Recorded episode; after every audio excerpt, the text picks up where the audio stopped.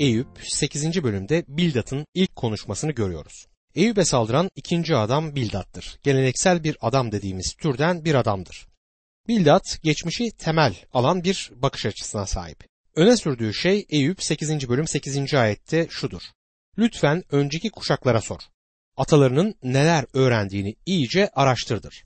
Tıpkı jeolojinin eski kayalarını ve taşlarını kaldırıp onlara bakıp yıllar önce neler olduğunu ve bunlardan ötürü gelecekte neler olacağını söyleyen birisi gibidir.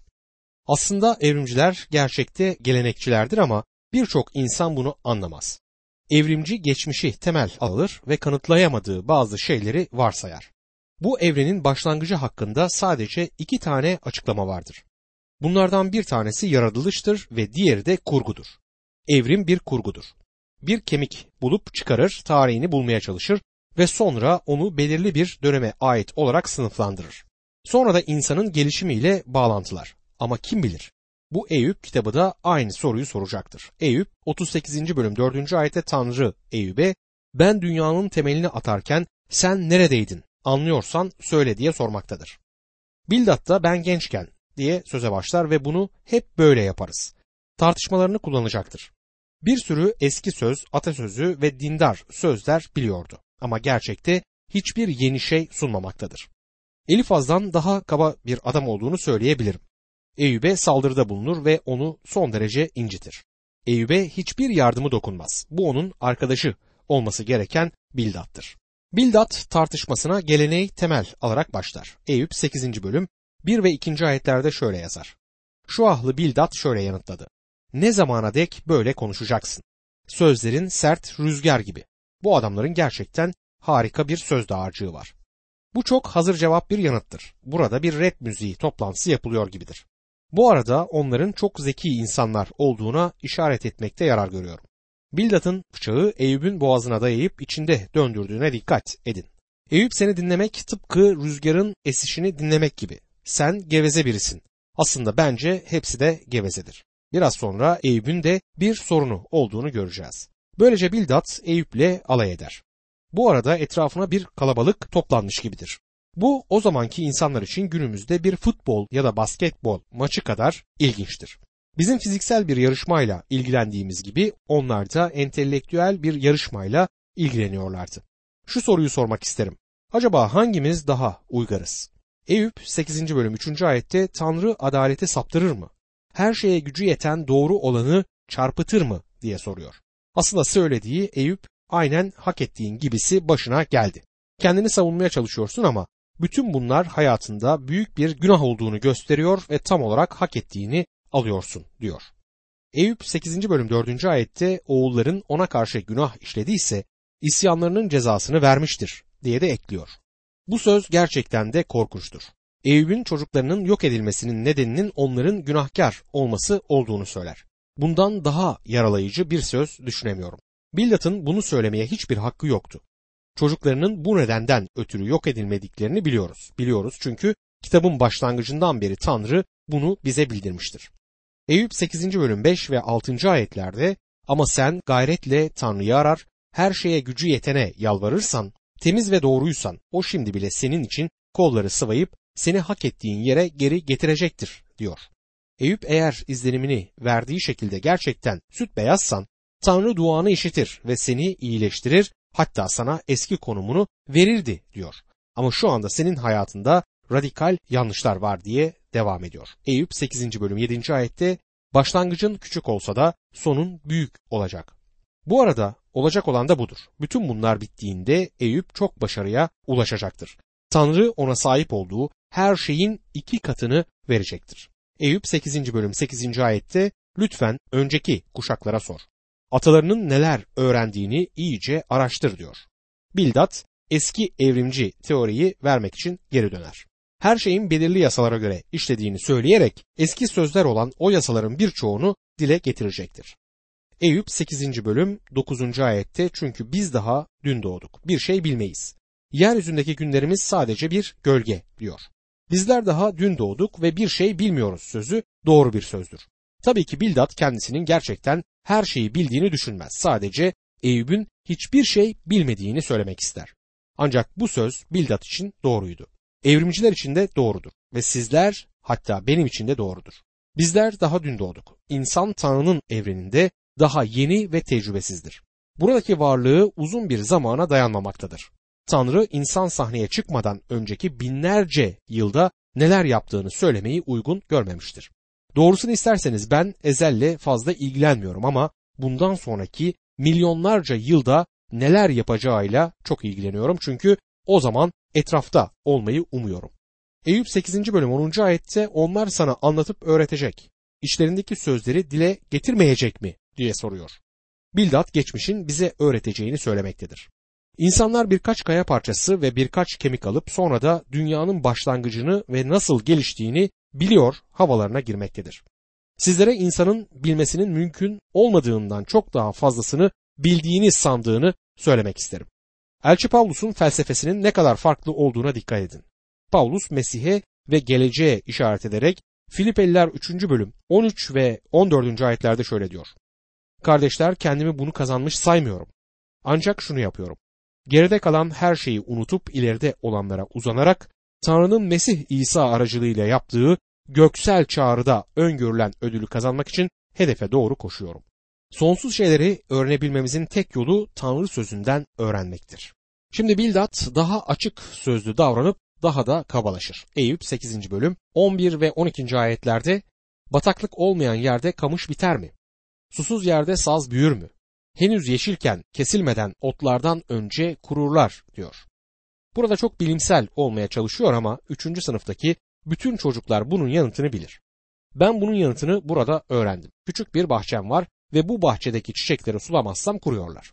Bu çok derin bir bilgelik gerektirmez çünkü sulanmayan çiçeklerin kuruduğunu herkes bilir. Eyüp 8. bölüm 13. ayette Tanrı'yı unutan herkesin sonu böyledir. Tanrısız insanın umudu böyle yok olur diyor. Şimdi Eyüp'ü iki yüzlü olmakla suçlar. Eyüp'ün bir şeyi sakladığını söylemektedir. Eyüp'e iki yüzlük yapıyorsun, bize oynuyorsun demektedir. Eyüp 8. bölüm 14 ve 15. ayetlerde onun güvendiği şey kırılır. Dayanacağı ise bir örümcek ağıdır. Örümcek ağına yaslanır ama ağ çöker. Ona tutunur ama ağ taşımaz diyor. Bu bir örümcek ağına dayanmak gibi bir şeydir. Sıkıntılar gelince sizi tutmaz. Eyüp 8. bölüm 20. ayette Tanrı kusursuz insanı reddetmez. Kötülük edenlerin elinden tutmaz diyor. Bir dakika bu gerçekten doğru mu? Ben kötülük yapan biriyken Tanrı'nın bana yardım ettiği kesindir.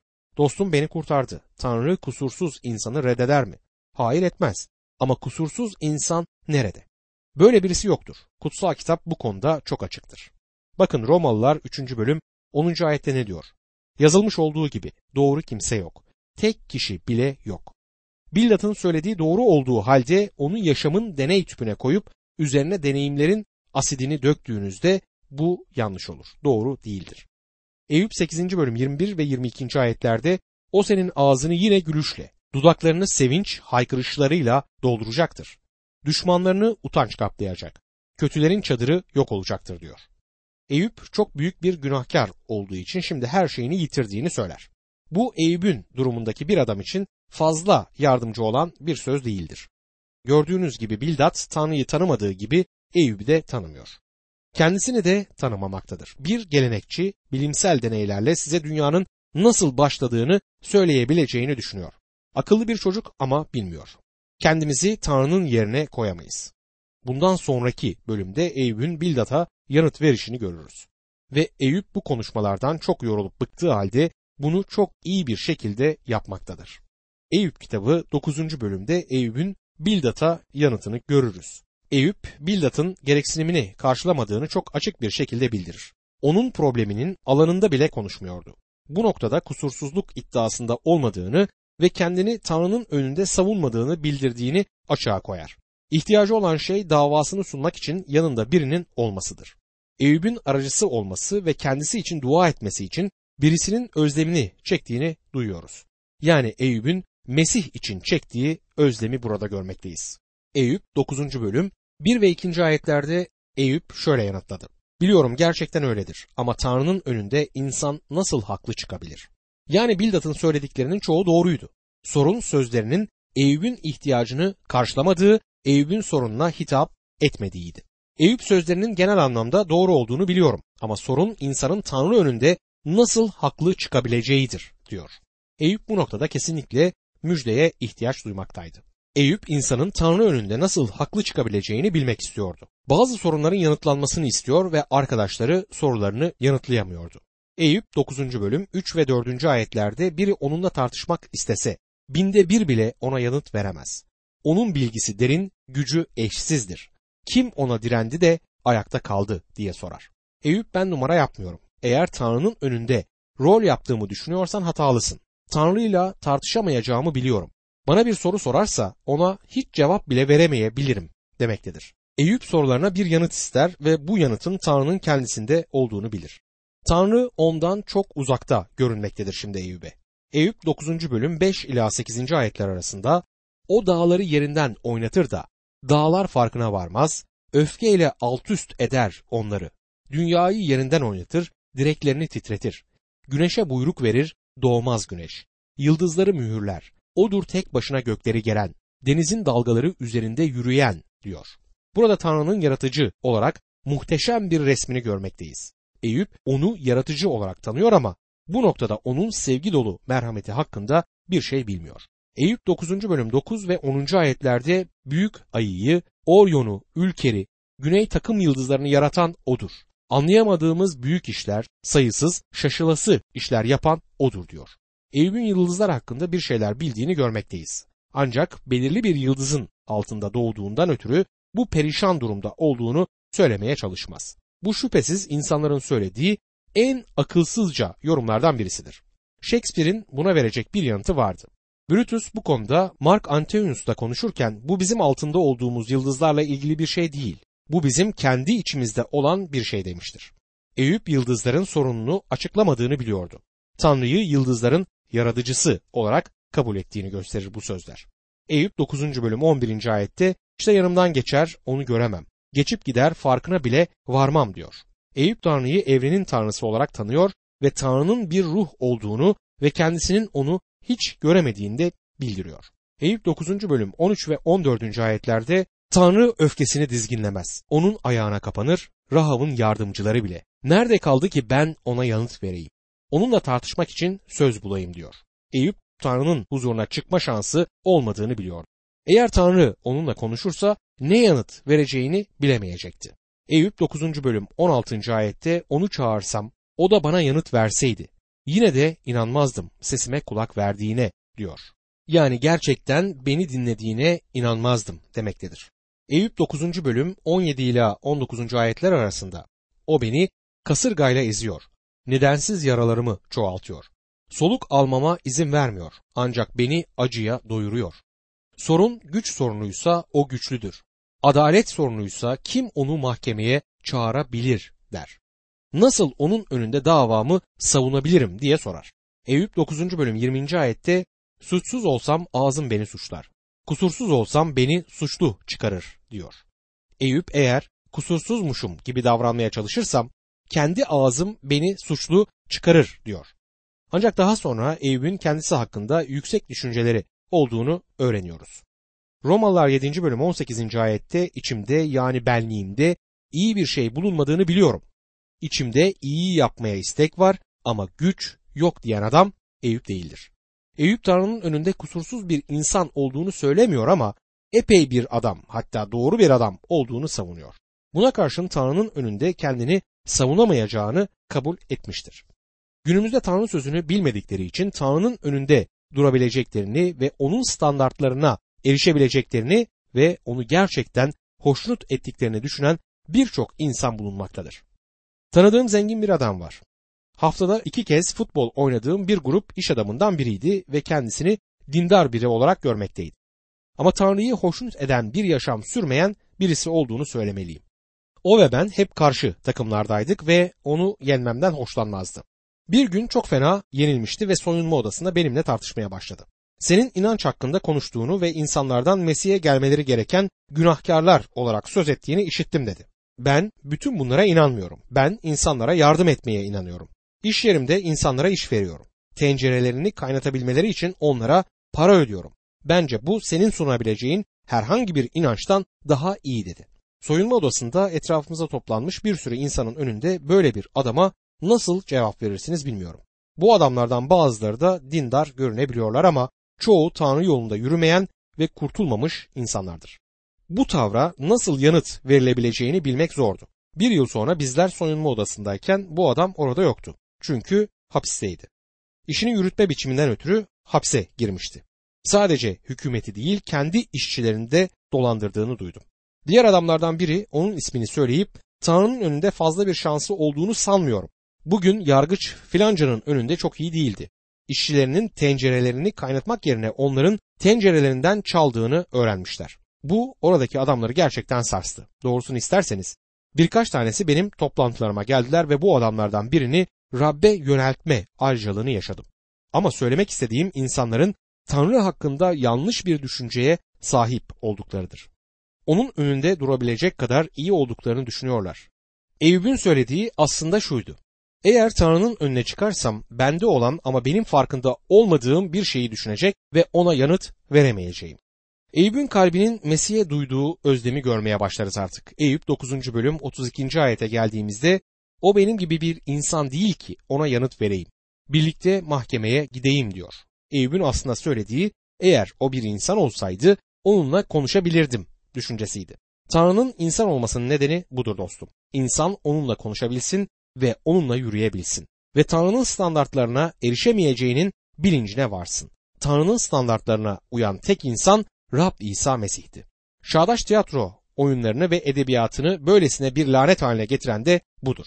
Sadece İsa'nın insan olduğunu ima etmekte kalmazlar, aynı zamanda İsa'nın günahlı bir insan olduğunu söylerler. Kutsal kitaptan sapmış liberaller bunu yıllardır söylemektedir. Ama Tanrı sözünde Rab İsa Mesih'te herhangi bir günah olduğunu göremezler. Günah kendi kirli yüreklerinde bulunur. Çünkü İsa Mesih günahsızdı. İsa Mesih insan olduğu için ona gidilebilir. Benim için çarmıhta ölmüştür ve kendi hayatıyla bana benim Tanrı'nın standartlarına erişemeyeceğimi bir kurtarıcıya ihtiyacım olduğunu söyler. Ölümüyle beni kurtarabilir. Zavallı Eyüp'ün özlemini çektiği şey buydu. Eyüp 9. bölüm 33. ayette keşke aramızda bir hakem olsa da elini ikimizin üstüne koysa diyor. Eyüp'ün şikayeti kendisiyle Tanrı arasında bir aracı olmayışıydı. Yakarış keşke bir elini Tanrı'nın eline diğerini benim elime koyarak ellerimizi birleştirecek biri olsaydı yakarışıdır. Eğer bunu yapabilseydi o zaman bir aracım olurdu. Yeni antlaşmada Elçi Pavlus genç bir vaize. 1. Timoteus 2. bölüm 5. ayette çünkü tek Tanrı ve Tanrı ile insanlar arasında tek aracı vardır. O da insan olan ve kendisini herkes için fidye olarak sunmuş bulunan Mesih İsa'dır. Uygun zamanda verilen tanıklık budur demişti. Elini Celileri adamın eline koy diyen Ezgi'nin sözleri gerçeğin yarısını yansıtmaktadır. Celileri adamın bir eli daha vardır ve bu el Tanrı'nın elindedir. İsa Mesih Tanrı ile bizim aramızdaki köprüdür. O kusursuz insan ve kusursuz Tanrı'dır. Bu çok görkemli ve harika bir gerçektir. Eyüp'ün onun çok özlemini çektiğini görüyoruz. Eyüp 10. bölüm 1. ayette yaşamımdan usandım. Özgürce yakınacak, içimdeki acıyla konuşacağım diyor. Eyüp'ün başka bir acısı daha var. Tanrı önünde kendisini temsil edecek kimsesi olmadığından sadece ruhundaki acılık içinde konuşacaktır. Yaşamdan bıkmıştır ve tam olarak hissettiklerini artık söyleyecektir üzücü durumu ve perişan konumundan açık ve dürüst bir şekilde söz etmektedir. Eyüp 10. bölüm 2. ayette Tanrı'ya beni suçlama diyeceğim. Ama söyle, niçin benimle çekişiyorsun? Bizler kitabı okumayı bitirmeden önce Tanrı ona bu konuda yanıt verecek. Tanrı Eyüp'e kendisi hakkında bir şey, hepimizin kendimiz hakkında öğrenmemiz gereken bir şeyi gösterecektir. Eyüp 10. bölüm 3. ayette hoşuna mı gidiyor gaddarlık etmek? Kendi ellerinin emeğini reddedip kötülerin tasarılarını onaylamak diye sorar. Eyüp acı çekmeyen kötü insanlar varken neden kendisinin acı çekmesi gerektiğini anlamaz. Bu arada bu Davut'un da önünde olan bir soruydu. Bu benim de önüme çıkan bir sorundu. Bir vaiz olarak neden Tanrı'nın harikulade Tanrı yolunda yürüyen insanların acı çekmesine izin verdiğini ve aynı zamanda Tanrı yolunda yürümeyen kişilerin kilisedeki insanlar olsa bile günah içerisinde yaşayıp başlarına hiçbir şey gelmediğini merak ettim.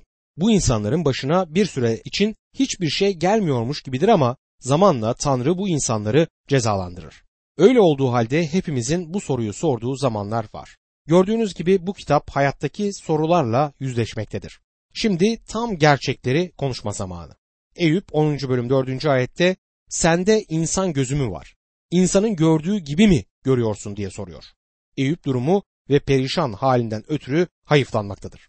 Tanrı'nın kendisini gerçek durumunda görüp görmediğini merak eder. Tanrı'nın dünyaya gelip insan olmasının bir başka nedeni de budur. Şimdi cennette beni anlayan bir insan olduğunun güvencesine sahibim. Çünkü o benim gibi bir insandı. Tam olarak nasıl hissettiğimi bilir. İsa Mesih yeryüzündeyken insan yüreğindeki bütün duyguları hissetmiştir. Dostum kendini nasıl hissettiğini biliyor. Senin neler hissettiğini İsa Mesih biliyor.